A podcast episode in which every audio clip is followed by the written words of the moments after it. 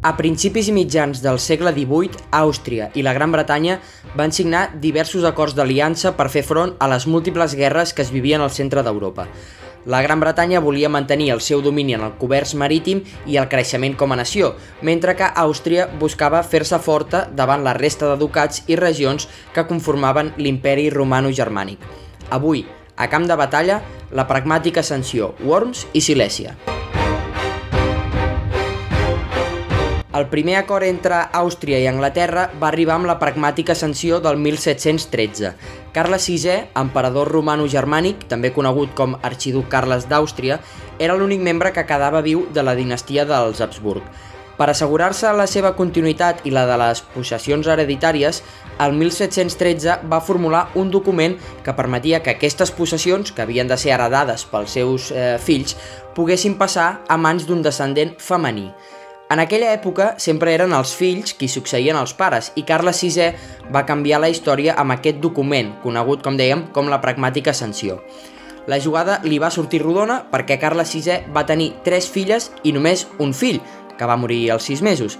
Així, quan l'arxiduc Carles d'Àustria va morir, la seva filla Maria Teresa d'Àustria va esdevenir emperadriu del Sacre Imperi Romano-Germànic i va heretar totes les terres que posseïa el seu pare, entre les quals destacaven la mateixa Àustria, Hongria, Milà, Nàpols o Sardenya. La pragmàtica sanció va generar certes discrepàncies dins de l'imperi romano-germànic, ja que els altres regnes que en formaven part van veure trencades les seves il·lusions i aspiracions de fer-se amb el domini dels regnes de la dinastia Habsburg. Així que Carles VI va haver de buscar suports exteriors, entre els quals va trobar el d'Anglaterra gairebé 20 anys després de la promulgació de la pragmàtica sanció. La Gran Bretanya va donar suport a aquest document el 1731, demanant una cosa a canvi, la dissolució de la Companyia d'Ostende, també coneguda com la Companyia de les Índies d'Àustria, que havia creat el mateix Carles VI el 1722. Aquesta companyia d'Ostende era una companyia comercial creada per Carles VI inspirant-se en la Companyia de les Índies que ja havien creat anteriorment la Gran Bretanya o els Països Baixos i que tenia com a principal objectiu el comerç marítim cap a la zona d'Àsia. Fundada el 1722, ràpidament es va convertir en la competència directa de neerlandesos i britànics que s'havien arribat a unir per eh, demanar-ne la seva prohibició. Finalment, la Gran Bretanya es va sortir amb la seva el 1731, quan va aconseguir que Carles VI dissolgués aquesta companyia d'Ostende a canvi d'aconseguir el suport eh, de la Gran Bretanya a la pragmàtica sanció.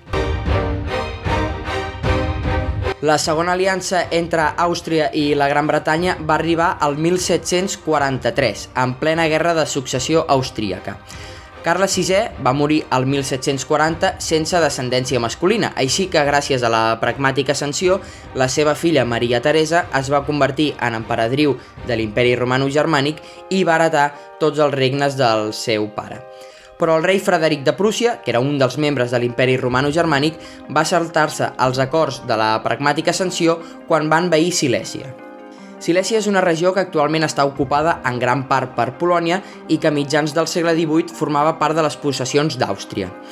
Quan Prússia va atacar Silèsia el 1740 es van desencadenar les conegudes com Tres Guerres de Silèsia, que van quedar emmarcades dins de la Guerra de Successió Austríaca. Va ser una gran guerra que va enfrontar prop de 20 regions de tota Europa. La Primera Guerra de Silèsia es va dur a terme entre el 1740 i el 1742 i va acabar amb victòria per Prússia, que es va unir al territori de Silèsia al seu regne però el 1743 Àustria aconsegueix arribar a una aliança amb el Regne Unit en el conegut Tractat de Worms. Maria Teresa d'Àustria buscava suports per mantenir el domini en les possessions de la dinastia Habsburg, ja que tenia infinitat d'enemics fruit d'aquesta guerra de successió a Àustria. Un dels principals focus es trobava a Itàlia, on els Borbons, al capdavant d'Espanya, volien fer-se amb les regions italianes que estava controlant Àustria, Curiosament, la Gran Bretanya també estava en guerra amb Espanya, així que els britànics van entonar allò de que els enemics dels meus enemics són els meus amics, i es va unir amb Àustria per tal de poder evitar el domini d'Espanya al Mediterrani. Recordem que el Regne Unit ja havia donat suport a Àustria amb la pragmàtica sanció del 1731. La pau de la Primera Guerra de Silèsia el 1742 i l'aliança amb la Gran Bretanya del 1743 va permetre a Àustria un gran creixement de l'economia i del seu poder militar. Frederic de Prússia es va ensumar que la nova unió entre britànics i austríacs li portaria problemes, que es van materialitzar quan Maria Teresa d'Àustria va tornar a atacar Silèsia el 1744 per recuperar-la en la Segona Guerra de Silèsia.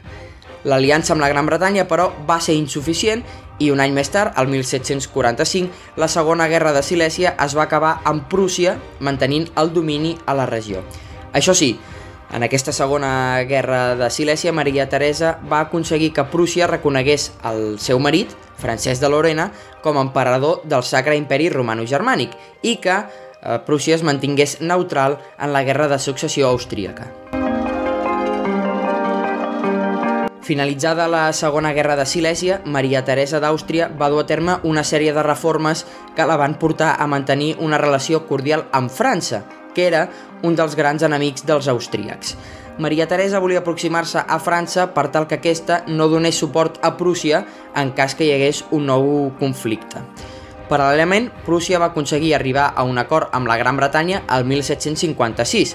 Amb aquest acord, Prússia es comprometia a defensar Hanover, aliat de la Gran Bretanya, en cas que França decidís atacar. A canvi, la Gran Bretanya va retirar el seu eh, suport a un desplegament militar rus a prop de la frontera amb Prússia. Així que, en resum, la Gran Bretanya va canviar la seva aliança amb Àustria per unir-se amb Prússia, fet que a la vegada va provocar que França acceptés aquesta aliança amb Àustria el mateix any 1756. D'aquesta manera es va posar punt final a les dues principals aliances que van signar Àustria i la Gran Bretanya, la pragmàtica sanció i el Tractat de Worms, a més del suport britànic a Àustria en la Segona Guerra de Silèsia.